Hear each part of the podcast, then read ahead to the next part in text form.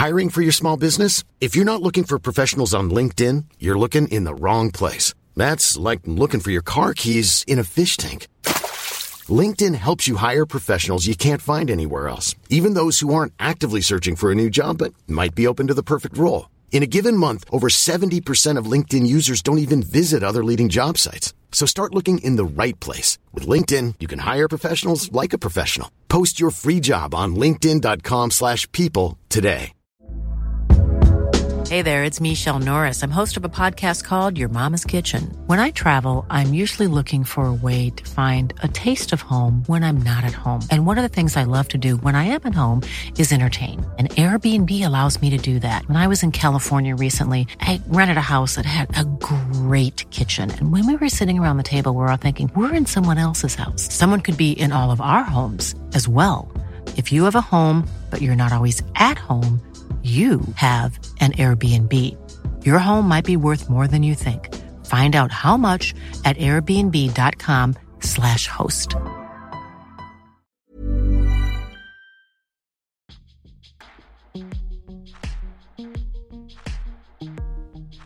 Amanda blir tillsammans med en man som visar sig våldsam.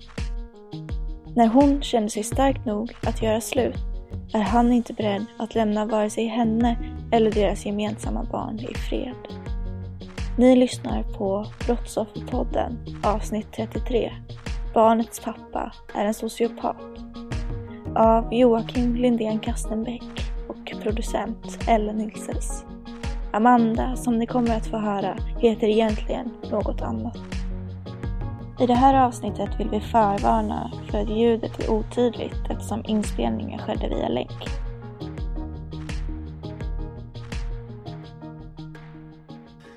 Hej och välkommen till Brottsofferpodden. Hej, Hej. tack. Nu för första gången så sitter vi i olika städer och gör en intervju. Ja. Så jag är väldigt tacksam att du ställer upp på det här äh, formatet och jag är väldigt tacksam att du vill ställa upp och vara med och berätta din historia. För jag förstår Ja. att det inte alltid är så lätt. Är du nervös? Eh, ja, det är jag. Ja. Men du gör inte det här varje dag kanske? Nej, precis. Och sen så är det ju ett känsligt ämne. Ja, jag förstår det. Jag förstår det.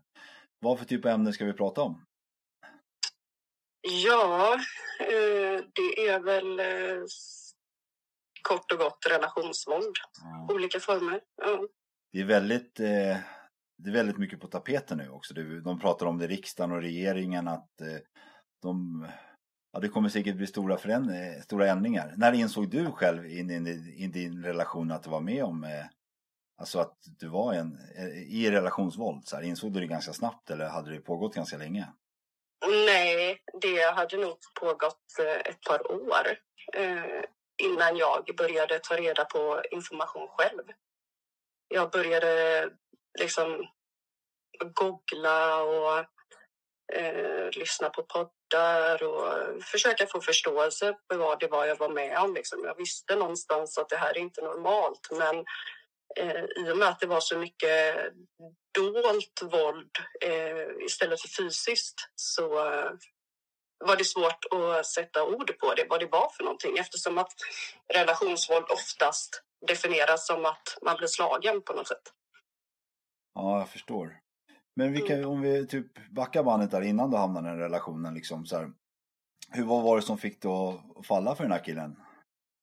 Uh, ja, så jag vet egentligen inte det mer än att jag var i en uh, situation i livet där jag kanske var lite uh, uttråkad av eh, hamsterhjulet. Liksom. Det var, gick på repeat på något sätt dagarna och jag träffade den här personen och mm, han såg bra ut och var charmig och ehm, jag var i en sits i livet där jag kände mig ganska ensam och eh, väldigt eh, osäker på hur jag ville ha mitt liv på något sätt. Jag var, jag var ganska, ja, hur ska man säga, jag var väl eh, o, ja, osäker, alltså att jag var, jag var skör på något sätt.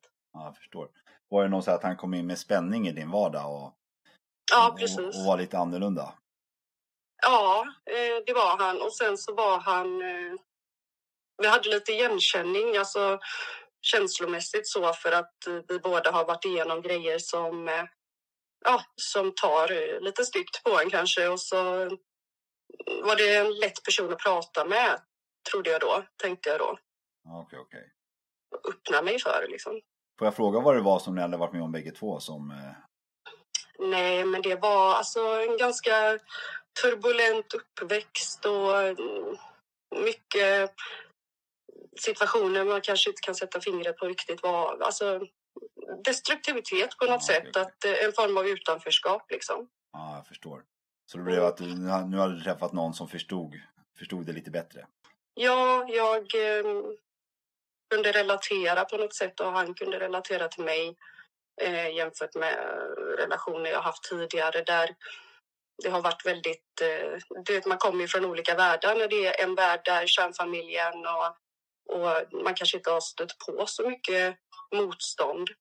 Eh, och då är det svårt att eh, sätta sig in i det och då, då hittar man ju en punkt som för en samman på något sätt. Ja, jag förstår. Men alltså hur snabbt, hur snabbt gick det i relationen? Så blev ni typ ett, ett par som flyttade ihop direkt eller gick det långsamt eller var det... Kan du beskriva lite mer? Ja, det var ju liksom... eh, Ja, det var en väldigt speciell ingång. Han, eh, ja, det var på och av hela tiden. Liksom. Och sen så blev det på något sätt, från att vi faktiskt gick in i det så gick det väldigt fort. Då var det liksom som att han flyttade in till mig omgående nästan. För att Ja. vi var med varandra hela tiden och eh, jag hade det bättre på det planet. Så. Ja, okej. Då hade du lite mer ordnat än vad han hade. Mm, precis. Och du, du ville att han skulle komma hem till dig också eller? Så det var på bägges bevåg? Ja, alltså jag tyckte jättemycket om honom och eh, jag är väl ganska naiv, eller var ganska naiv tror jag, det här eh, kärlek vid första ögonkastet-tänket på något sätt. Att jag, jag var så kär och jag var, jag ville ju vara honom hela tiden. Ja, okej. Så du var bara tacksam för det? Ja, men jag, jag såg inga problem i det och, och det var ju säkert undermedvetet också att inte känna av den här ensamheten som jag hade i mitt liv just då. Hur snabbt gick det innan det blev eh, destruktivt eller? Ni kanske Det inte blev, märkte direkt? nästan- det blev det omgående i princip. Det, var, det började ganska direkt, bara det att jag kunde inte förstå det då. Men när du tittar tillbaks på det nu då? Liksom, vad var det som du definierar som destruktivt? Det var att eh, relationen var inte på lika villkor. Jag, eh, det var mycket manipulation. Eh, det var lite förminskande och, och skämt på min bekostnad på något sätt. Alltså, jag eh, har sedan eh, tidigare till exempel haft eh, ätstörningsproblematik. Då kunde det vara liksom eh, så subtila kommentarer som, eh, som att, jag, att han kallar mig rultan till exempel. Som är en, en definition på att man är lite kraftigare liksom.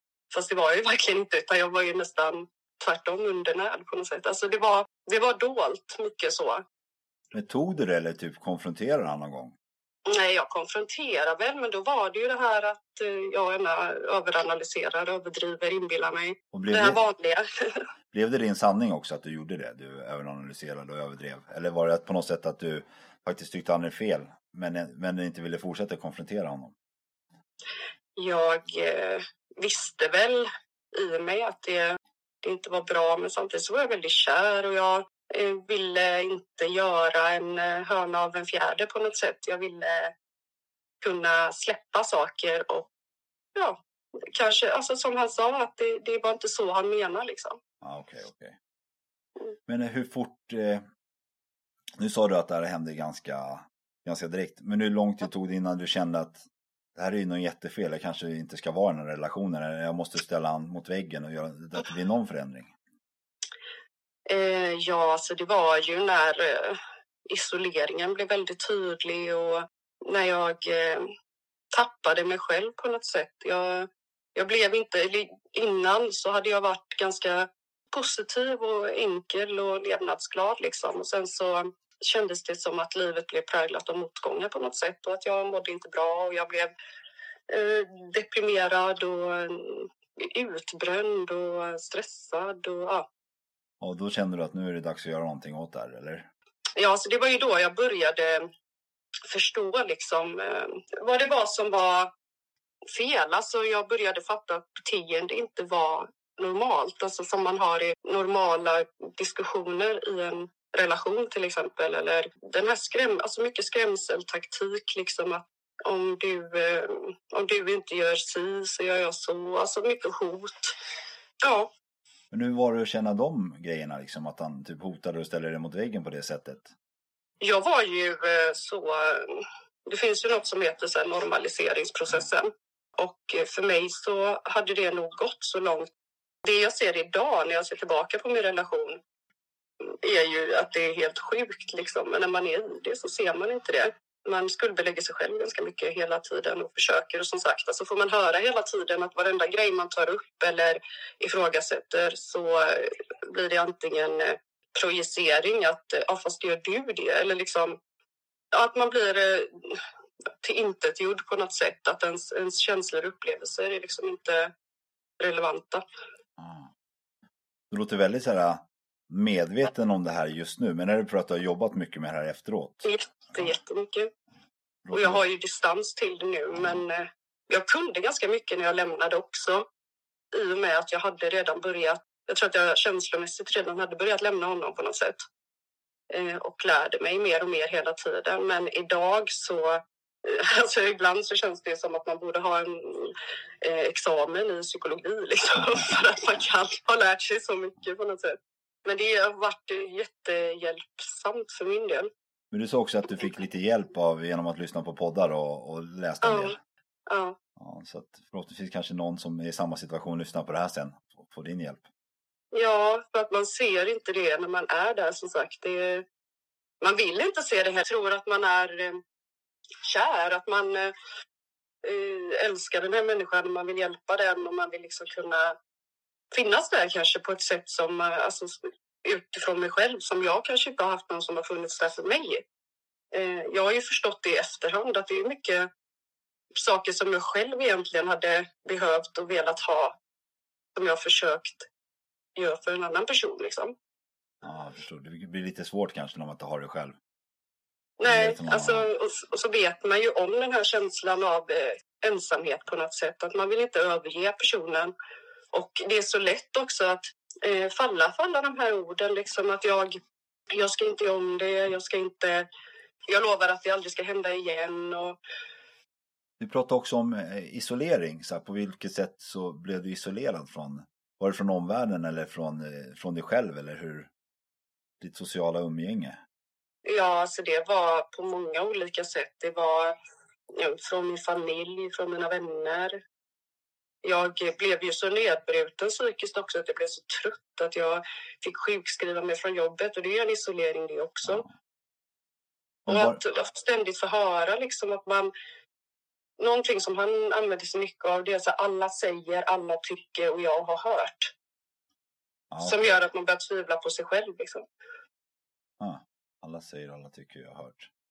Men jag tänkte på så var det han som fick dig att eh, isolera dig eller var det du som valde att isolera Jag menar var det han som fick dig genom att säga att du inte fick eller var det så, blev det någon så automatik för att du blev, var så nedbruten att du inte pallade? Ja, det är det som är så sjukt. Det är ju att det är så dolt. Att det var ju ett medvetet val av mig att isolera mig eller undvika vissa situationer för att jag visste att det triggade honom. Men jag visste att det var inte värt det för att när jag kommer hem så kommer det bli en, eh, galenskap kring det fast det inte ens hade behövts. Men för att undvika konflikt så var det lättare att uh, skita i och leva liksom. Ja, den är jobbig. Mm. Den är verkligen jobbig. Och då var det också, använde ju han det sen emot mig istället då att men jag har aldrig sagt att du inte får göra det här. Nej, men hade jag gjort det så hade jag blivit straffad för det också. Var det mycket så här verbalt eh, bråk? Ja, det var alltså det har mest varit eh, psykiskt, eh, alltså verbalt och sexuellt och ekonomiskt har det varit. Mm. Alltså med att han våldföljde sig, våldföljde sig på det sexuellt? Inte, inte på det sättet som folk tänker är eh, sexuellt våld. Alltså när man tänker sexuellt våld då tänker man att eh, man blir påhoppad någonstans utomhus på natten. Liksom. Men något som inte är så välkänt, det är ju de här olika typerna av våld. Det är ju inte bara att man slåss eller eh, blåmärken eller eh, sjukhusbesök, utan det är ju ekonomiskt våld till exempel. Det är ju att man eh, kanske förstör någon annans grejer och inte ersätter det och inte betalar sin del av hyran för att man tycker inte att man behöver det. Och sexuellt våld det är ju liksom framför allt det här att jag kände mig skyldig till att ställa upp på sex för att annars så fick jag antingen höra att jag har varit otrogen och det är därför jag inte vill ha sex. Eller eh, om inte jag ger det så måste han ju få det någon annanstans. Alltså jag kan bara, jag kan inte ens knappt föreställa mig hur, hur det skulle vara. Jag kanske, som kille så blir det ju, sitter jag i en andra båten så här som, ja, jag, jag vet inte det, jag kan inte ens föreställa mig hur det skulle vara. Uh. Nej, ja, eller liksom tjatsex och det här att om man inte ställer upp, liksom, om man inte känner att man orkar eller vill eller har lust. Alltså man mår ju inte bra överlag i en sån relation och då är man ju inte jättesugen på att ställa upp på det. Liksom. Men då var det ju också det här att ja, du älskar inte mig, du tänder inte på mig och det här skuldbeläggandet. Då var det lättare att eh, göra det för att undvika konflikten efteråt. Ja, jag förstår. Och då mår man kanske inte speciellt bra under stunden liksom. Nej, alltså jag tror att man stänger av på något sätt ganska mycket. Man eh, bara går på någon form av autopilot. Alltså, det man gör framför allt i en sån relation det är att man försöker eh, i förväg förhindra konflikter. Och det, alltså man, man går ju sönder på vägen. Liksom. Ja. Och jag har hört det från eh, ganska många intervjuer att det mesta i livet handlade om att det inte skulle bli bråk när man är i en mm. destruktiv relation. Så här. Man försöker förutse hela tiden. Och bara det är ett, eh, ett 24 timmars jobb tror jag som tar på en ganska hårt. Ja, det gör det. Alltså det går inte att beskriva. Det, det är ju det stress, alltså det, det tar ju på hjärnan att hela tiden vara steget före. Att veta att om jag, om jag gör så här så kan det här hända. Men samtidigt så är det någon form av dubbelbestraffning för det spelar ingen roll hur du gör. Så finns det alltid något fel i det ändå. Var det även fysiskt våld? Inte så mycket. Det har varit eh, liksom enstaka tillfällen där det har spårat ur och eh, bråkat på det sättet. Men eh, det beror ju på hur man ser fysiskt våld också. Alltså det här med att hot om våld till exempel, att säga att ja, du förtjänar att få stryk eller du skulle förtjäna att få en smäll eller att eh, slå och sen stanna precis framför och liksom flina typ. Du vet att jag inte skulle slå dig liksom. Ja, det är kanske till och med värre än att få smällen. Ja, alltså det är ju eh, den här eh, ständiga oron. Alltså jag vet att när jag vaknar på morgnarna så kunde jag känna så vad är det för humör idag och hur ska jag bemöta detta idag? Och kon alltså kontroll också. När jag jobbar, liksom att jag skulle svara i telefon hela tiden och jag skulle mötas upp efter jobbet och på slutet så var det att jag, jag fick ju till och med visa mitt schema liksom för att jag ska jobba den här tiden. För att ibland så var det så mm, kanske korta pass i hans tycke att det var vem jobbar ens de tiderna? Då fick jag liksom att man får bevisa allt hela tiden. Hela tiden bevisa sin oskuld istället för att någon annan ska bevisa sin skuld. Mm. skuld. Ja, 24 timmars jobb som sagt var. Mm. Pratade du med någon om det här? Hade du någon vän? Du sa att du isolerar dig själv, men hade du någon du kunde prata med? Så länge jag fortfarande inte var redo att lämna så pratade jag inte mycket om det. Det gör man inte. Man skuldbelägger ju sig själv väldigt mycket för att det är ju det man blir intalad att det är, ju, det är jag som är omöjlig att leva med. Det är jag som ställer för höga krav liksom.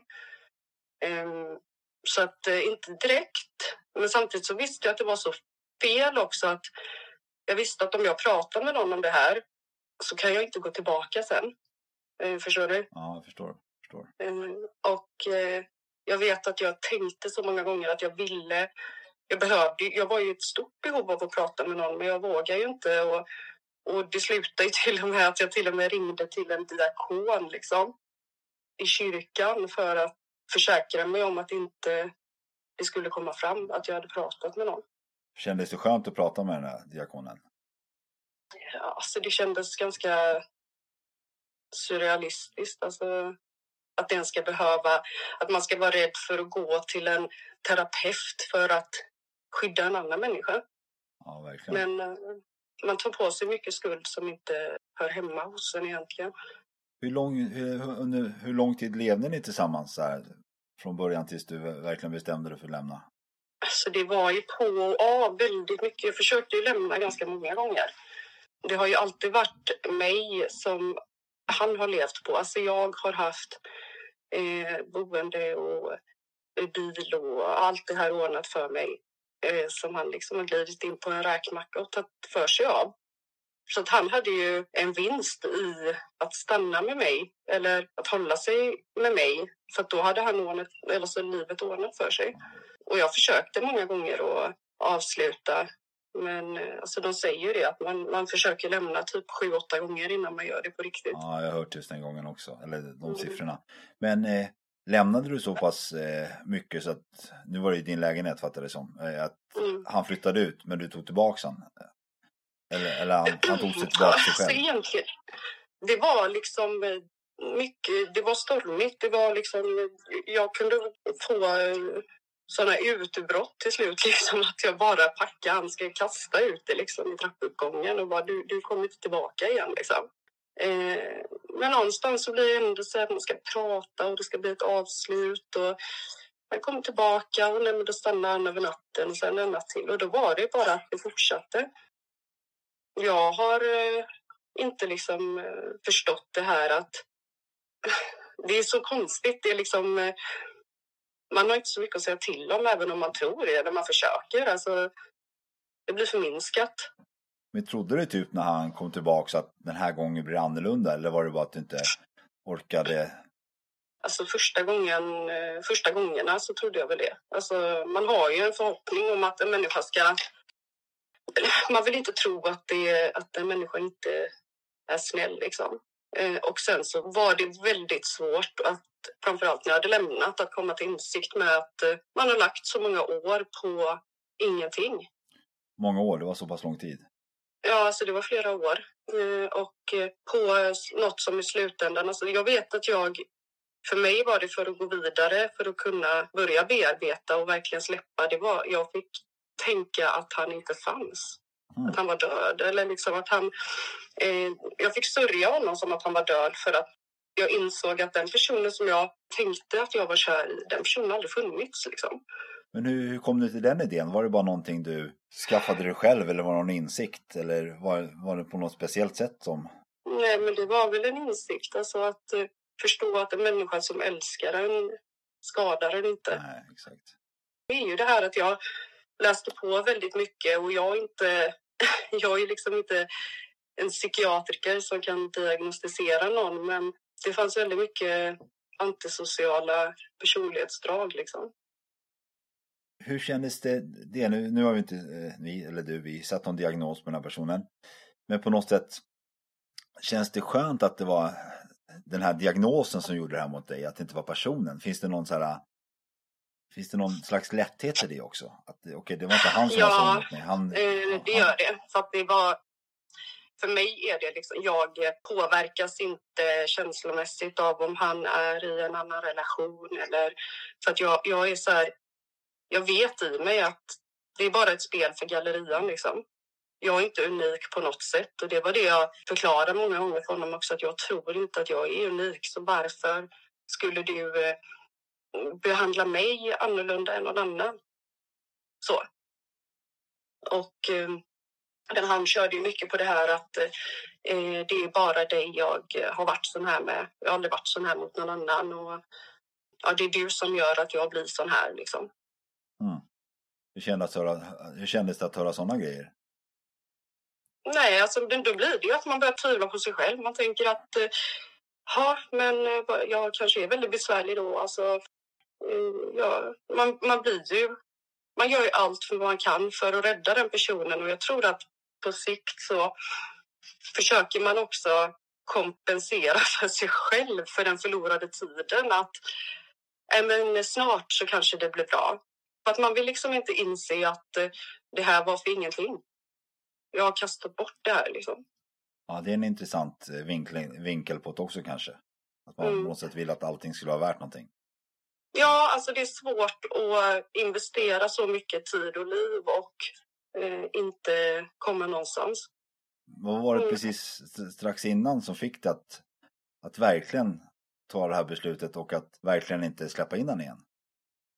Nu sa ju du att du spelat var så, alltså, Det är så mycket till det. Liksom. Det är så mycket specifika händelser. Men något som blev väldigt tydligt för mig att han inte hade de känslorna för mig som han påstod att han hade, som han sa att han hade. Som han, det var mycket snack och lite verkstad. Liksom. Han sa en sak och gjorde en annan. Och det var när jag eh, eh var sjuk och fick genomgå en operation. Eh, och eh, istället för att eh, stötta mig så fick han det till att eh, jag var, ja, att jag var en... Eh, jag vet inte om man får använda de här orden, men... Nej, du får använda dem. Eh, nej, men att jag var en otrogen hora liksom för att jag inte ville ha eh, sex efter min operation. Och jag vet att när vi hade fått barn så fem veckor efter förlossningen så kallade han mig det också för att jag inte var redo. För då hade jag varit med någon annan liksom. Ja, det är så surrealistiskt att höra liksom hur, hur, hur vissa människor kan bete sig så här. Jag, jag är också lite nyfiken på vad det, även fast inte du har kanske den, eh, den legitimationen, om man kallar den rätten att sätta den, den, den diagnosen på honom. Vad tror du själv att han har för diagnos? Så här, som, som lekman? Sociopat. Sociopat. Jag tror det. Ehm, det finns ju tre olika stora och det är ju sociopat, narcissist och så är det ju eh, psykopat. Ja. Psykopat tror jag inte för att han är alldeles för eh, impulsiv och eh, känslostyrd. En psykopat är inte känslostyrd. Narcissister har ändå någon form av eh, självinsikt fast en eh, neg alltså negativ så att de vill inte kännas vid det. Men sociopater är ju, för det första så har de ju, alltså det är en miljöpåverkan som det kommer ifrån. Försummelse som barn och lite sådana här grejer.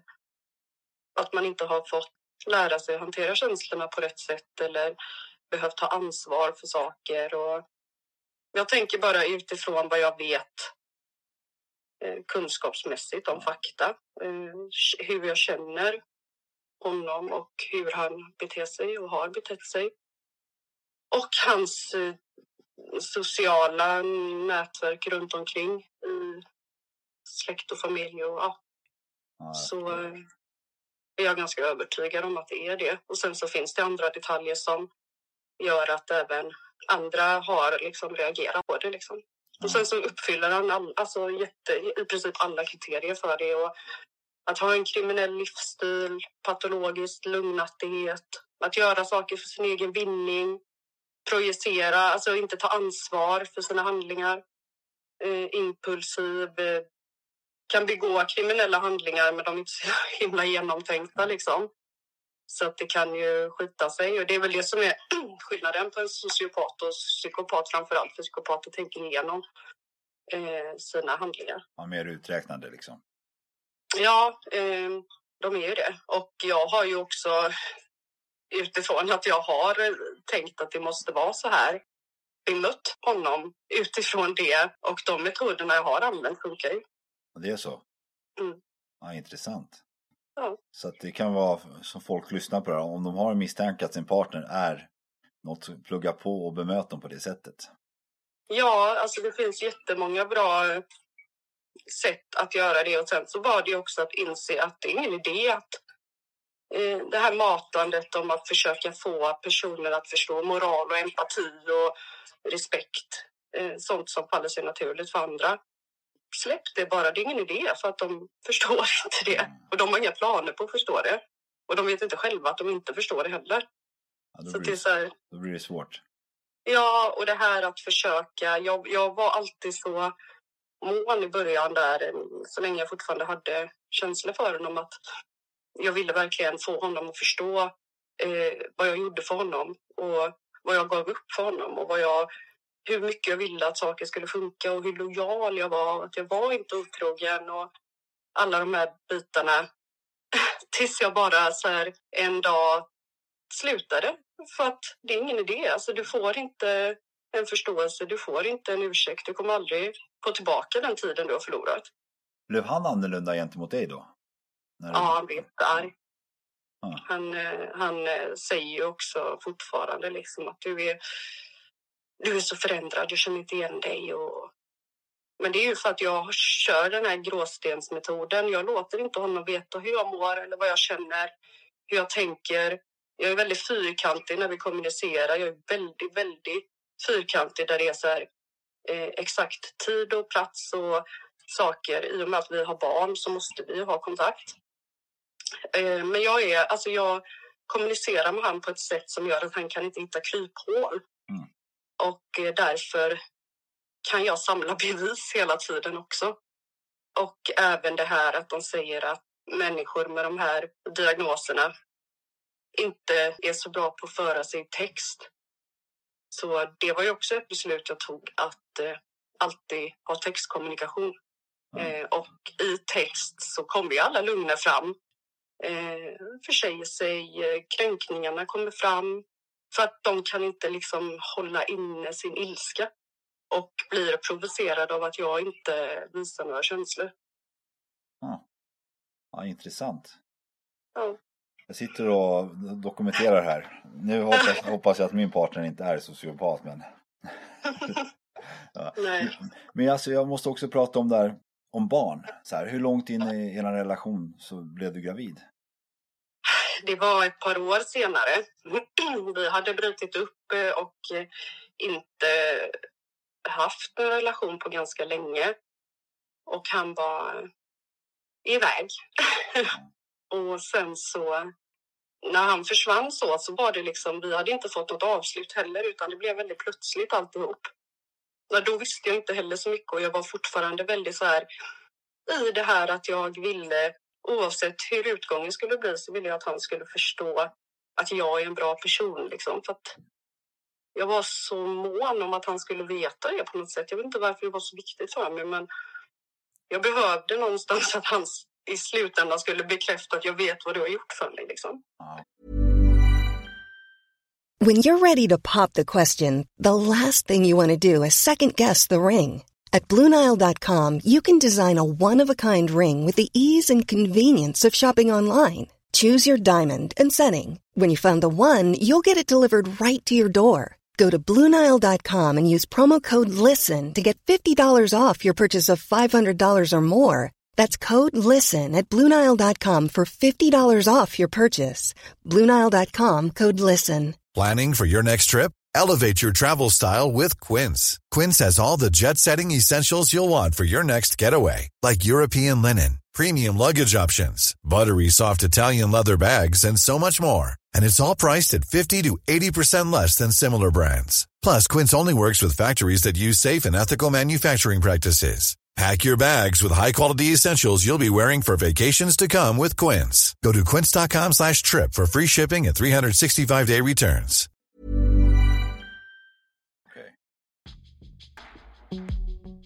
Sen så träffades vi igen. Då gick ju allt fort igen liksom och jag, jag blev gravid ganska omgående.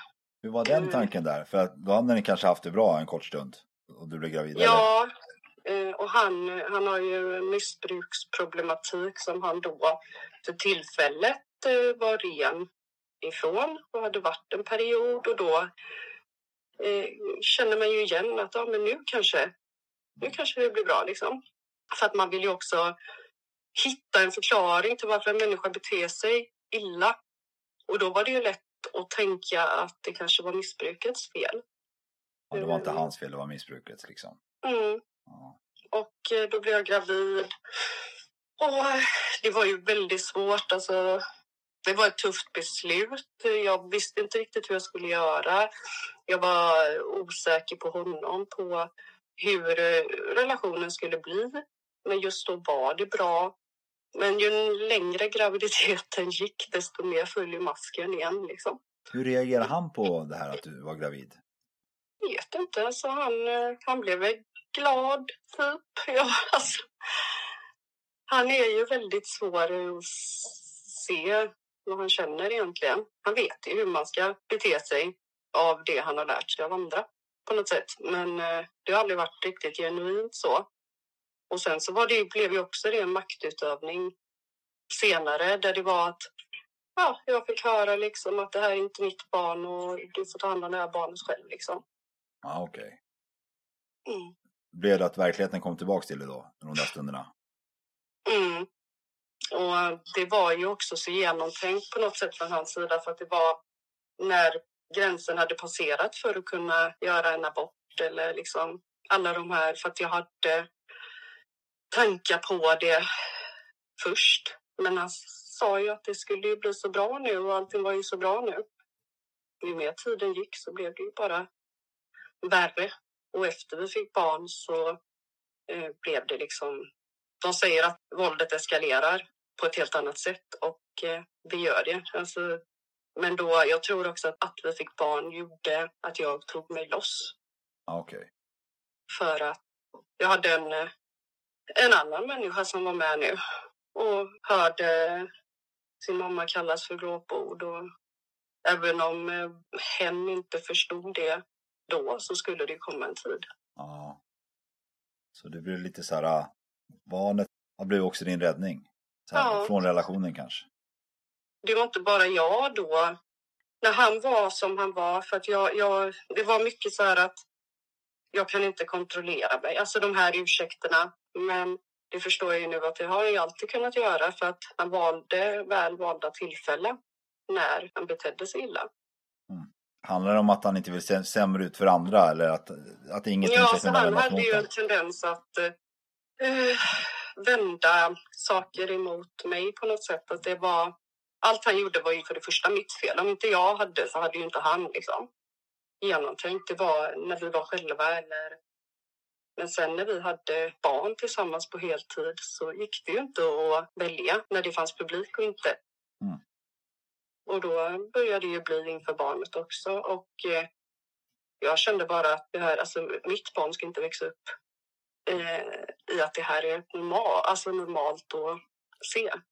Du sa ju själv i början att du också kommer från lite halvdestruktiva, jag sa halv nu, jag vet inte om det var hel eller halvdestruktiva förhållanden. Mm. Eh, fanns det också något med att nu, mitt barn ska inte växa upp som jag växte upp? Fanns det någon tanke kring det? Eh, ja, jag eh, blev, alltså det är också sånt jag förstår nu i efterhand för att jag hade en ganska jobbig barndom med eh, en del psykisk misshandel och sådär. För mig kanske det då var en normalisering på något sätt att jag tog inte så allvarligt på det när det började i min relation som vuxen för att det var bekant. Mm. Nej, alltså jag, jag bara kände att nu jag har en skyldighet att se till att, att det här barnet eh, får de bästa förutsättningarna som går. Och eh, det är inte bara jag nu. Eh, det var det inte innan heller, men eh, som sagt, han valde ut när han betedde sig som han gjorde och eh, vilka som fick ta del av det. Hur var han mot sitt barn då? Alltså när han var typ när han var han själv med barnet eller när du var runt, när han själva höll i barnet eller typ skulle ge barnet uppmärksamhet? Jag vet inte, det är, det är ingen föräldraroll riktigt. Det är ju en kompis på något sätt, en lek, leksak. Ja. Alltså, men jag vet att jag reagerade också på, alltså på det här när, när jag hade varit iväg med vårt barn och sådär att eh, han ville så gärna veta eh, om den här personen jag hade träffat, om de tyckte att barnet var gulligt, om det var det gulligaste barnet, om har sett eh, alla de här grejerna. Och eh, det är också så himla tydligt att barnet är ju bara en förlängning av honom. Ja, just det. Inte den eh, kärleken som naturligt faller sig, eh, utan det var en eh, bekräftelse. Så hade han ju mig också, så det var ju tidigt i vår relation som jag fick höra att eh, ja, men så fort det var något som gick bra så var det anspelningar på att det var eh, genom sex och det hade gått bra så att jag mm, har, har legat mig till saker eller eh, att jag inte... Ja, du, du eh, har ingenting att erbjuda mer än sex eller du är... Alltså han kunde skämta om att jag var en ägodel. Så här det gäller både mig och barnet att vi var liksom bra för hans eh, image. Liksom. Så länge ni gjorde det han ville så var allt okej? Okay, liksom. Eller framförallt du, och så länge barnet fick han att se bra ut så var det bra? Ja.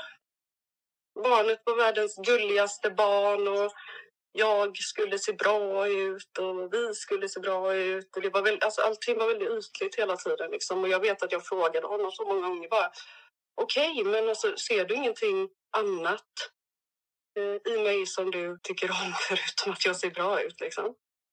Men han, han hade inte det djupet. Alltså, han kunde liksom inte... Och nu blir han ju bara provocerad av mina egenskaper. Ja, du ser.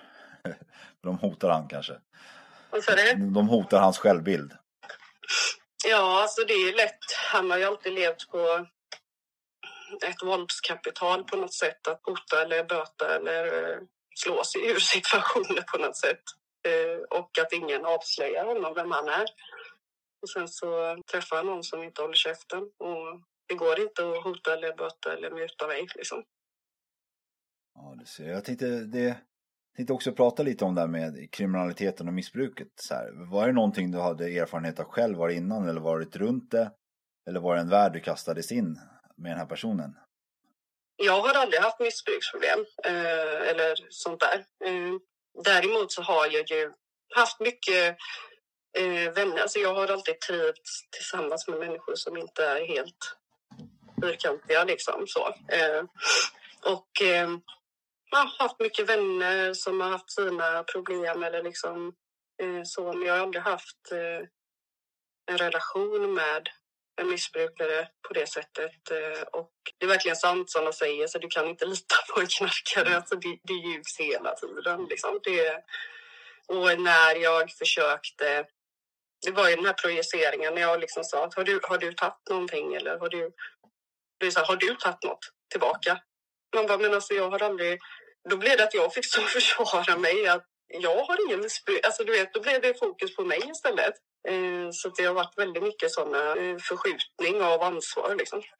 Den här kriminella biten då? Tyckte du så i början att det var lite så farligt och coolt eller var det någonting som du, du var inte medveten om och när det väl kom på ditt bord? Att... Jag visste inte om det. Sen så var det mycket som sagt, alltså det här med gaslighting, att uh, min upplevelse av verkligheten inte stämmer. Det som har hänt har inte hänt och jag inbillar mig liksom.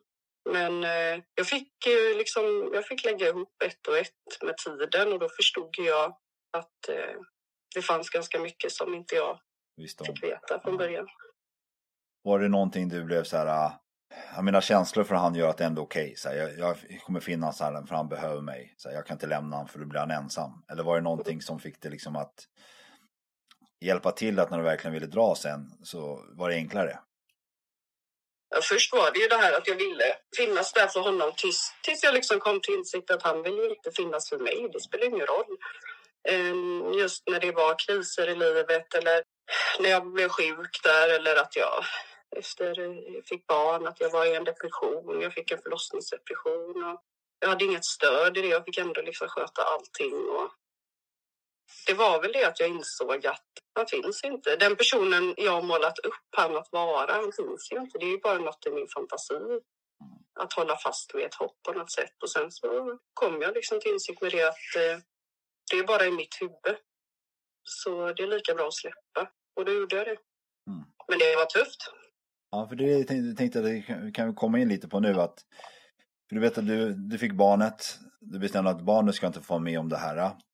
Mm. Du kände också att eh, allt var bara en lögn, ingenting stämde. Så här. Hur går du vidare efter det här när du verkligen har bestämt dig för att lämna? Så här, och hur blir det verkligen en verklighet och, och du kan stå för det? Liksom? Så här, för att det låter som att han bor väldigt mycket hos dig och, och vart du tvungen att flytta eller hur gick det vidare i livet? Nej, jag bodde ju kvar, men det var ju eh, det var tufft. Jag, eh, alltså när jag lämnade då mådde jag så pass dåligt att jag jag vet att vi hade ett bråk och när han sa till mig så här att du har ingen heder i kroppen. Mm. Och det gick liksom in och jag bara så här, nej jag har inte det. Jag har ingen heder, jag låter en människa behandla mig så här. Och jag tror att han gjorde mig en tjänst av att säga mm. så. Det blev liksom slutet och han eh, skulle väl skrämma upp mig då genom att packa sina grejer och sticka. Han kunde ju vara borta ett par dagar och inte svara och så där. Och han packade och stack. Men eh, jag släppte inte in honom igen sen. Hur tog han det? Blev han förvånad? Jag tror inte han fattade allvaret. Det eskalerade ju väldigt mycket därefter för att han förstod inte att det var att jag hade bestämt mig, att det var liksom färdigt. Han eh, kom mycket så oannonserat. Det var banka på dörren och ehm, jag ska det här och jag ska in och jag fick ringa polisen flera gånger och förklara för honom att jag liksom, alltså jag polisanmälde dig, låt mig vara. Alltså, eh, men han tog ju inte det på allvar förrän han liksom fick eh, svart på vitt. Jag tror att han hade varit hos mig någon gång då och jag ringde och det kom en piketbuss liksom och polisen sökte igenom koden och någonstans då förstod han väl kanske för att då tror jag att han säkert har sett det på håll. Hade du någonsin haft med, eh, kring honom då, med myndigheter att göra, polis, sjukhus som var kopplat till honom innan där? Nej, jag eh, var ju alltid, alltså han fick ju alltid mig att känna att allting var mitt fel och jag var ju så rädd att eh, få skulden på mig, alltså att jag skulle få skulden för hans beteende. Det var ju det han sa jämt, att det var om inte jag gjorde si så hade inte han gjort så. Och det var mycket hot om att att han ska se till att ta barna ifrån, eller barnet ifrån mig. Hur kändes det att höra sådana grejer? Här? Hur kändes det att höra sådana grejer? Nej, men det var hemskt för att jag var ju så nedbruten så att jag eh, trodde ju på det. Jag eh, trodde att mm, Alltså just det här att när tiden går och man bryter ner sig själv genom att försöka laga någon annan och då, och då tror man ju att eh, Alltså att, att myndigheten ska se mig som varför gjorde du inte si eller varför ja. gjorde du inte så? Eh, men det är ju inte så det funkar utan det var ju bara en skrämseltaktik han hade använt. För när jag sökte hjälp så fick jag jättemycket stöd. Mm. Eh, som jag tidigare hade varit eh, rädd för. Liksom. Socialtjänst och... Men hur var det här med eh, nu sa du att du ringt polisen, du pratade lite lätt när du väl sökte hjälp så fick du hjälp. Var det här polissamtalet, eller att du ringde polisen som gav dig mod att fortsätta? Som att nu hade det dratt igång någonting du ändå kunde... Eller var det att du hade bestämt redan innan att söka hjälp? Ja, så jag hade hotat många gånger genom åren att jag skulle ringa polisen. Men eh, jag hade inte gjort det. Och därför så var det väl därför han inte tog det på allvar heller när jag väl gjorde det. Men då var det ju att det blev en... Vad är det det kallas när det är ja, alltså allmän eh, åtal ja, eller något sånt där. Och eh, då så landade jag väl väldigt mycket i vad det var jag var med om. Och eh, saker han hade gjort. Så, alltså, han stakade ju mig och eh, hade lämnat en inspelningsapparat hemma, skulle lyssna av mig och alltså mycket sådana som jag inte fattade eller liksom förrän efteråt. Och det var hemskt alltså, att komma till alla de insikterna. Jag får ju fortfarande insikter idag och flashbacks från saker jag förträngt liksom. Ja, men nu hade du ju eh, ringt polisen för att eh, för du, du, sa till honom att du skulle göra det. Liksom, och han lyssnade inte så ringde polisen och det kom en piketbuss. Mm. Eh, och som, eh, som ja, kollade efter honom liksom. Så han förstod ju kanske att du var faktiskt stod för ditt ord. Mm. Hur, vad händer efter det här liksom? Var det så att var det någon grej som sattes i rullning med anmälan och Ja, det var ju eh, i och med att det var en polisanmälan, då blev ju socialtjänsten inkopplad och, och så där. Och jag pratade med dem och eh, fick även eh, olika samtalskontakter där, där vi gjorde en kartläggning av eh, riskfaktorer. Alltså man får se, det är ju som, som ett våldsteam liksom som eh, kartlägger riskerna. Det är ju så att när man lämnar en en eh, våldsam relation. Jag gillar inte att säga destruktiv relation för att destruktiv är eh, en tolkning att eh, båda två är skyldiga till.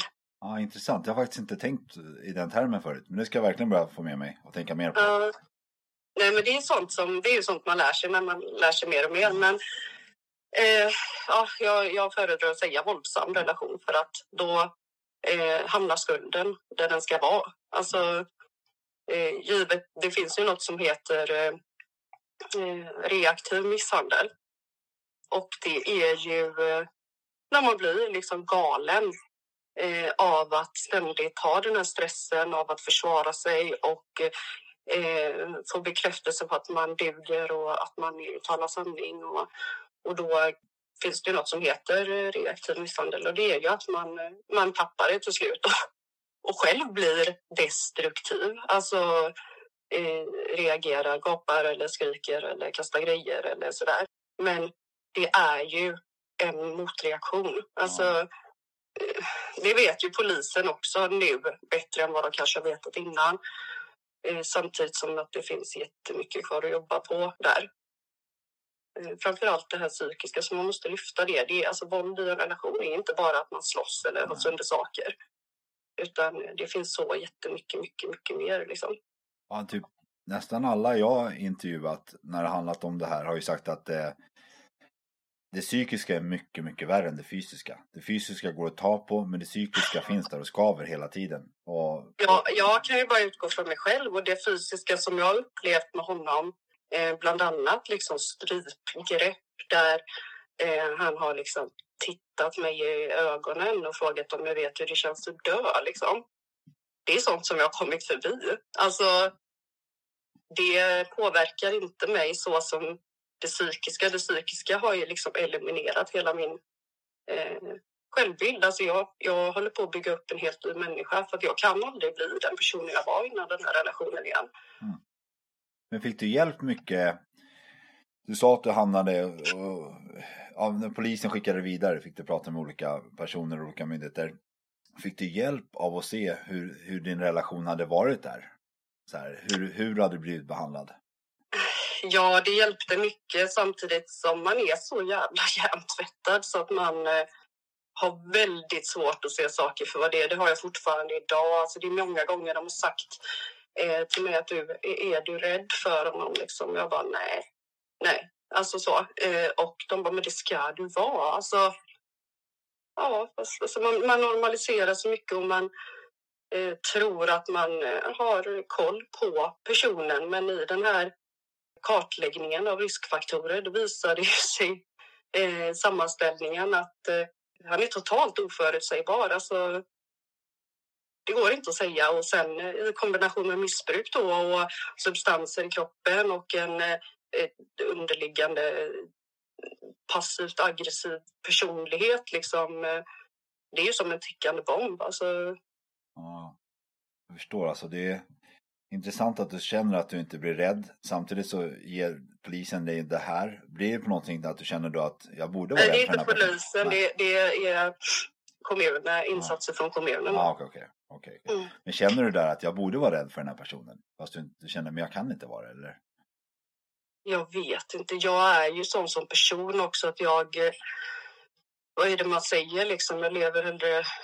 Jag står hellre och lever på, vad är det man säger, en dag än och hundra år som ett får. Liksom. Alltså, jag har aldrig låtit, eh, även om jag har blivit nedbruten av relationen och isolerat mig på många olika sätt, så har jag aldrig låtit honom äga min frihet på något sätt. Alltså, alltid slåss för den och även nu i efterhand så är det liksom att jag, jag gör vad fan jag vill. Alltså, jag har liksom sagt eh, när det har varit som värst. Liksom, att vill du få tyst på mig, då får du få bort mig för jag kommer inte vara tyst. Liksom.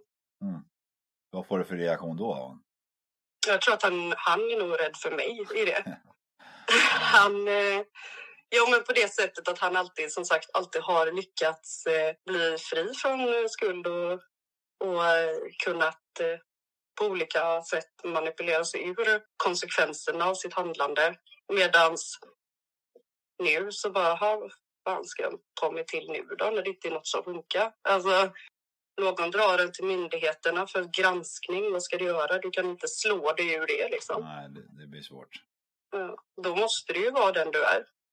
Jag måste ställa en annan fråga liksom, för att ibland inser man inte hur man har levt förrän man har kommit ur det. Så mm på vilket sätt inser du nu efteråt att han har behandlat dig så här. När vi pratar psykiskt, sexuellt, eh, materiellt våld. Som du nämnde lite innan. Kan du typ förklara mer på vilket sätt du, på, under, vilka, under, under vilka levnadsförhållanden du levde i den här eh, relationen?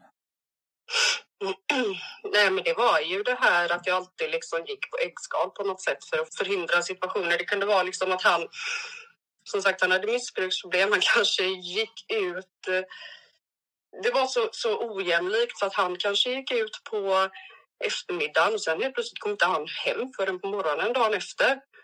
Och då kommer han innanför dörren och så frågar han mig om jag har varit otrogen. Liksom. De har varit hemma och, och eh, styrt familjeskeppet. Alltså, men om jag ifrågasatte det, då var det ju då var det bara den här projiceringen att jag, jag ifrågasätter det för att det är jag som är det egentligen. Så. Eh, mycket sådana speglingar på något sätt. Alltså vägra ta ansvar för sina handlingar och då och jag hade ju alltid det här behovet av att eh, jag visste ju vem jag var. Jag visste ju att jag var lojal. Jag var inte otrogen. Jag ville dig väl, alltså alla de här grejerna. Men det var så viktigt för mig på något sätt att han också skulle se det. Och nu så tror jag faktiskt att han visste det, men eh, hade någon form av mål att bryta ner bara. Alltså de här människorna gillar ju det. Jag vet att ett av varningstecken som jag inte fattade i början när vi träffades, det var när han liksom hörde om... Eh, jag, jag blev jätte... Så här, herregud, liksom, alltså, som man blir när man hör om en misshandel, att någon har skadats. Och, då tycker man ju att det är fruktansvärt. Eh, men jag vet då att jag tittade på honom när han hörde det och han bara stod och log. Liksom. Mm. Det var så här eh, surrealistiskt, typ. Eh, jag kunde inte förstå medan jag själv liksom blev väldigt så här, gud vad hemskt. Alltså, men det fattar jag ju idag. Alltså han... Eh, var helt känslokall? Ja. Eller tycker att det är kul liksom. Eh, och det är ju också en eh, sån där eh, kriteriegrej att det ska börja ganska tidigt och och vissa, att man ska ha eh, gjort vissa grejer och så redan i tidig ålder. Så alla de här kriterierna fyller han upp. Alltså, men det är en eh, hemsk insikt också, liksom att eh, ha varit med en sån person och förstå i efterhand då att allting som jag anförtrott eller eh, alla mina känsliga delar av mitt liv har ju vänts emot mig sen. Det har ju bara varit ett maktmedel att bryta ner ännu mer. Alltså när jag har berättat om, om händelser i min uppväxt till exempel, då var det ju alltså under bråk att ja, men, eh, du förtjänade din uppväxt och det var säkert ditt fel. Och han har ju också försökt eh, i den här isoleringen vända min egen familj emot mig och försökt vända mig emot min familj genom att säga till exempel att ja, men jag vet att eh, jag har nämligen hört typ att din mamma har aldrig velat ha dig och mycket sådana sjuka grejer liksom. Är det någonting du har trott på när han sagt det eller? Eh, nej, men eh, det, det, det, var ju också efter vi bröt upp, ah, alltså, som de grejerna. Han har ju, första tiden efter vi gjorde slut, då var det ju väldigt mycket som gripa efter halmstrån för att få makt igen liksom. Ah, okay men finns det något mer han har använt så här, alltså under en relation? Liksom? Ja, alltså det, det sexuella och det ekonomiska går ju i varandra väldigt mycket och det är ju att jag alltid har stått för merparten av alla utgifter och mm, för barnet och alla de här delarna. För att en sån här person är ju väldigt självcentrerad. Alltså, jag såg till att få mina pengar att räcka hela månaden för att det är så man gör. Man kan inte leva över sina tillgångar. Medan hans pengar tog slut på ett par dagar och sen så lånar ju han pengar av mig med luft om att eh, betala tillbaka. Men det är pengar jag inte har sett igen. Eh, det är sånt han har hållit emot mig i efterhand. Liksom, att ja, du ser inte det, glöm det. Liksom. Jag har anmält honom för stöld bland annat också. Förtal, eh, kvinnofridskränkning, alla de här grejerna. Det är nu efteråt du har gjort det? När, mm. när vi kom ur den här bubblan? Mm. Och just eh, det sorgliga är att säga att man älskar sitt barn. Jag, jag älskar mitt barn. Jag gör, skulle göra allt för mitt barn. Men samtidigt inte ställa upp på att till exempel ekonomiskt försörja barnet. Det har ju varit att eh, om jag får sex av dig så får du pengar av mig till barnet. Liksom. Mm. Låter det så surrealistiskt. Så ja, det. det är helt sjukt. Men på något sätt, jag måste bara fråga, det här har ju kommit när du har brytit, fanns det men fanns det fortfarande kanske tankar i dig där och då när du hör att ja, jag kanske, kanske behöver göra det här för att få de här pengarna som du faktiskt har rätt till? Eller var det bara att du tyckte han var dum i huvudet? Nej, alltså jag, jag tror att i början så var det fortfarande att jag försökte förklara moral och etik och kärlek. Att jag säger liksom att hur kan du älska ditt barn men du kan inte förbättra barnets livskvalitet överhuvudtaget om du inte vinner något på dig själv. Eh, men alltså det, det är ju så här, självinsikten i det, det finns inte. Alltså, så till slut så går det ju bara upp. Det var liksom så jag, jag skiter i liksom. Jag, jag, jag löser detta. Alltså. Var det på något sätt skönt att ge upp den här biten också? För då slapp du ha, har med den andra biten att göra? Att försöka kriga med han? Ja, alltså han har ju alltid kört på att eh, så är det inte och det har inte hänt och du får mig att verka galen.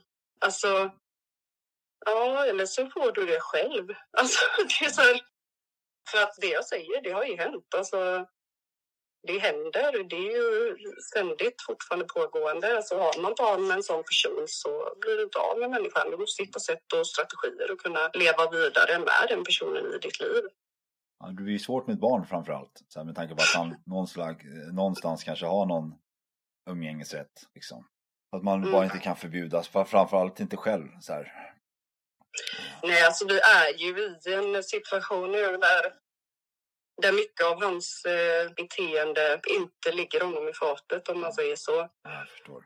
Eh, mycket som har kommit fram och eh, granskats. Och jag kan inte uttala mig så jättemycket om själva det mer än att sanningen kommer ju alltid i kappen liksom. Ja, den brukar göra det. Mm.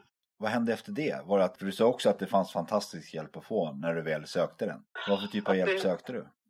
Det som framför allt det är ju att jag fick eh, samtal, föräldrastöd heter det, där man lär sig att eh, hantera eh, hur man ska vara så bra förälder som möjligt i omständigheterna som är. Var det någon speciell samtalsform eller var det bara du hade tur att hamna hos en person som använde någon speciell? Nej, jag fick en jättebra samtalskontakt som eh, fick mig att till slut dra igång hela karusellen. Och det var, eh, jag vet första mötena där. Och jag var så osäker på mig själv och på hela situationen. Jag var så rädd. Och, och det var liksom för att jag hade inte bara honom emot mig i det. Utan jag hade ju hela hans familj som stod bakom honom i det. Att det var jag som var problemet. Eh, men var det där också på något sätt att du fick lära dig handskas med det att, och börja bli väldigt fyrkantig mot den? På något sätt att förhålla dig till det här också eh, personligt? Ja, alltså jag fick ju mycket hjälp av min kontakt där som eh, hade ganska stor kunskap. Och som, eh, som sa det till mig, alltså jag förstår att du sörjer och att du är arg och ledsen. Och det var hon som fick mig att förstå liksom, att du duger som du är. Alltså, du behöver inte förklara för honom att du gör det, för att du vet vem du är. Mm. Alltså, det är något av de första grejerna man får lära sig när man har varit i en sån relation. Du får inget avslut. Du, du får ta det för vad det är. Liksom. Jag har ju beskrivit det här förut och jag kan göra det igen att det är som att vara i ett missbruk så här. Eh, och att ständigt gå tillbaka till sin favoritdrog. Så här. Och det, Mm. det är ett läskigt steg att ta och, och att gå därifrån. Idag vet jag ju att jag var beroende av honom. Det var ju processer och, och hormoner i hjärnan framför allt. Han vill ju fortfarande diskutera vår relation, liksom att eh, jag har älskat dig, eh, bla bla bla, det vet du. Men jag bemöter det på ett annat sätt nu. Jag är bara så här, bara, ja, fast jag, jag är ganska övertygad om att du inte har det. För att för det första så gör man inte så mot en människa man älskar. Liksom. Och eh, för det andra så tror jag inte att jag jag har nog inte älskat dig heller, utan jag, har varit beroende av dig. Vi kan prata lite skam och skuld, för det är två ord som, eh, som berör, berör mig jättemycket. Så här. Hur mycket skam och skuld har du känt i det här? Jättemycket. Både mot mig själv och att jag eh, har eh, liksom tagit på mig så mycket skuld för att skydda honom. Eh, det är så sjukt för att man, man gör ju det inför andra, eh, normaliserar och vill inte se problemet. Det är ju psykologiskt, det är en överlevnadsinstinkt liksom. Och sen eh, att man kanske har en idé om vad man, hur man vill att ens familj ska se ut och man gör liksom allt för att upprätthålla det på något sätt. Och vet ju när jag hade ett läkarbesök en gång och vi pratade lite övergripande och, och personen säger till mig så här att ja men, eh, nej men herregud, hur kunde du skaffa barn med en sån person? Så läkaren det? Ja, Ja, du ser. och man bara, ja fast så hade jag vetat att då hade jag ju inte gjort det. Nej, exakt. Ja, det är som du säger, det är mycket, mycket okunskap där ute. Jag tror det på något sätt, eftersom du är väldigt insiktsfull i det här idag. Så här, och du Mm. förmedlar det på ett, med väldigt kloka ord så, så jag förstår. Mm. Eh, jag tror många förstår. Tror att det kanske fanns någon mening med det här för att du sen ska kunna vara den där läkaren som säger det patienten eller den psykologen? Eller vad som helst. Har du någon förhoppning i framtiden att kanske kunna finnas där? Jag har ju eh, ganska mycket tankar på att jag vill kunna påverka på olika sätt och jag vill kunna hjälpa, jag vill kunna uppmärksamma problemet. Och jag, ja, jag håller ju på och jobbar på att skriva en egen bok och, mm, om just det här dolda känslomässiga våldet som inte som sagt inte är så himla uppmärksammat. Eh, det, jag förstår när eh, stödet är så litet och kunskapen är så liten att eh, det tar sju, åtta gånger att lämna liksom. För att eh, man är jävligt ensam. Man måste vända på det på något sätt också. Att vara säker i sin egen historia. Alltså det här är min, det här kände jag. Och ingenting någon kan säga kan ta det ifrån mig. Alltså att man är säker i, i sin upplevelse, att tro på sig själv och att uh, lita på sig själv att det här är fel. Vad för typ av stöd önskar du att nära och kära finns för en människa som har varit i en sån här relation? Nu tänkte jag säga destruktiv relation, men en relation som varit hotfull. Men när väl sanningen finns där? Dels att jag har mötts med det här att folk förstår inte hur nedbruten man blir både psykiskt och fysiskt. Ja, man blir ju eh, nedbruten, man blir trött. Alltså jag har ju så kronisk trötthet, liksom eh, komplex PTSD eh, som man behöver eh, jobba med och sen att låta folk, eh, eller oss som har varit i de här relationerna, så låt oss känna och älta och förstå vad det är som har hänt för det är jävligt mycket. För du har levt i ett luftslott. Sluta lägga liksom skulden. Alltså, jag tror inte folk tänker på hur de uttrycker sig, men det är väldigt... Har du, fått bli, har du blivit nedtryckt så länge och så mycket eh, så är allting någon säger till dig kritik på något sätt. Det sätter sig. Eh, man blir väldigt känslig. Alltså, du måste få lov att eh, avsky en person samtidigt som du saknar den för att du håller på att avgiftas. Liksom. Avlasta, finns där och bara avlasta och hjälp till för att man är så trött så att det, det går inte ens att förklara. Alltså man kan ju bli liksom fysiskt sjuk mm. av stressen och tröttheten. Ja, så man finnas till, lyssna samt vara försiktig med att hur man förmedlar så man inte blir kritisk. Så här. Har du förlåtit dig själv idag? Jag jobbar på det. Mm. jag har nog gjort det till stor del, men eh, jag är ju fortfarande i den här uppbyggnaden av vem är jag nu? Och du måste hitta ett nytt förhållningssätt till livet. Och... Om jag nämner förlåtelse för honom då? Så här. Jag, jag har insett nu efter ett par intervjuer att jag ska vara lite försiktig med att använda ordet förlåtelse. Mm. Men eh, om jag nämner det, förlåtelse inför honom, så här, vad svarar du då? Nej, alltså grejen är så jag, jag, eh, jag tror inte på det här att jag behöver förlåta honom. Jag kommer aldrig förlåta honom. För att jag tror att om jag skulle få för mig att göra det så släpper jag garden liksom. Ja, jag förstår. Eh, jag har en mur till honom som är byggd av mycket ilska. Med all rätt. Jag tror att om jag låter den falla på något sätt så blir jag sårbar inför honom. Och eh, jag menar, hur många gånger har han inte sagt förlåt innan och aldrig menat det? Jag menar, det var inte ens 24 timmar sedan som jag fick en låt skickad till mig. Ah. Eh, om att eh, jag tänker på dig när jag hör den här liksom. Finns det någonting du skulle få, om jag, finns det något speciellt du skulle vilja få sagt till honom och han inte har en chans att säga någonting tillbaks? Så egentligen, jag känner att jag har fått sagt det jag har velat och slutsummeringen i alltihopa är ju alltid att jag, jag vet vem jag är. Jag vet vad jag är och jag vet att jag har liksom rent mjöl i påsen. Jag vet att jag gjorde vad jag kunde. Vad skulle du vilja säga till andra då? Så här, som kanske är i, i, på ingång i eller är i eller typ börjar nysta i att det är någonting som är fel i den här äh, relationen? Så här, finns det någonting du skulle vilja få dem att kanske igenkänning eller någonting du kanske hade önskat att du själv tänkte på eller gjorde? det är framförallt det här att alltså, lita på dig själv. Liksom. Tror, du att, tror du att det är fel, då är det fel. Alltså, och eh, det finns hjälp att få. Och, eh, det spelar ingen roll vad den här människan har intalat dig, hur mycket av det här som är ditt fel. Och typ vara snäll mot dig själv. Liksom. Du kan inte förändra någon som inte vill förändra sig själv. Nej. Det, Du känner att du går åt rätt håll? Ja, alltså jag har ju kommit så långt att jag idag inte ens förstår vad det var jag, som jag ser det idag, vi hade ju aldrig egentligen någonting gemensamt mer än fysisk attraktion. Han har inget djup alls. Nej, då är det nog ganska tomt.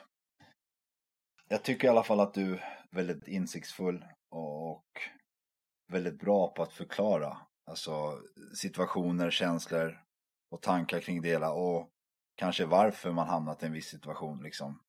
Och du är väldigt tydlig med att säga att det faktiskt inte är ens eget fel. Och det, det tycker jag är jättebra. Eh, Mm. Så jag, jag tror verkligen att du kommer hamna på rätt plats och vara till supermycket nytta för många andra i, i framtiden liksom. Eh, Jag har fått dig att fundera massa. Ja men det har men jag, jag verkligen, verkligen jätte, jätte, jättemycket så här. Jag, som jag har sagt ett par gånger nu att du är väldigt bra på att sätta ord på saker. Så här. Och jag hoppas att den här, äh, det här som är på gång nu med olika lagar och regler, att de kanske blir, kommer till nytta och faktiskt efterföljs. Mm, Jag hoppas det. verkligen. Så här. Jag hoppas det. Ja. Men vi håller kontakt. Gör vi? Ja. Så får jag Yes. tacka så jättemycket för den här gången. Ja. På Ja, återseende. själv. på vå- Ja. återhörande kanske man säger. Ha det bra nu. Ja. Historier som berättas har satt sina spår Finns ingen skam att känna Men den känns ändå Känn dig aldrig ensam med minnen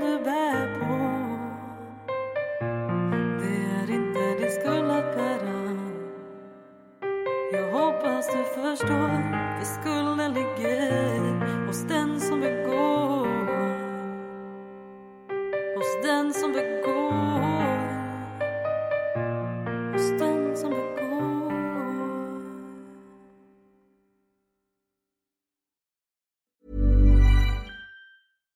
Here's a cool fact a crocodile can't stick out its tongue.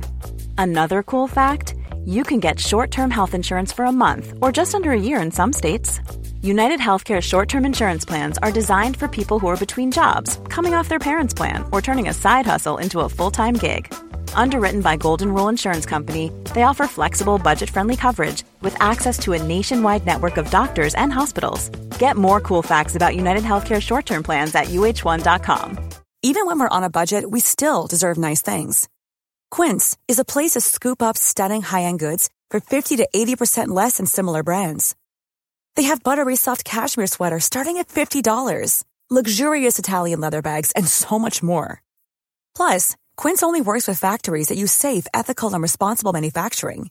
Get the high-end goods you'll love without the high price tag with Quince. Go to quince.com slash style for free shipping and 365-day returns.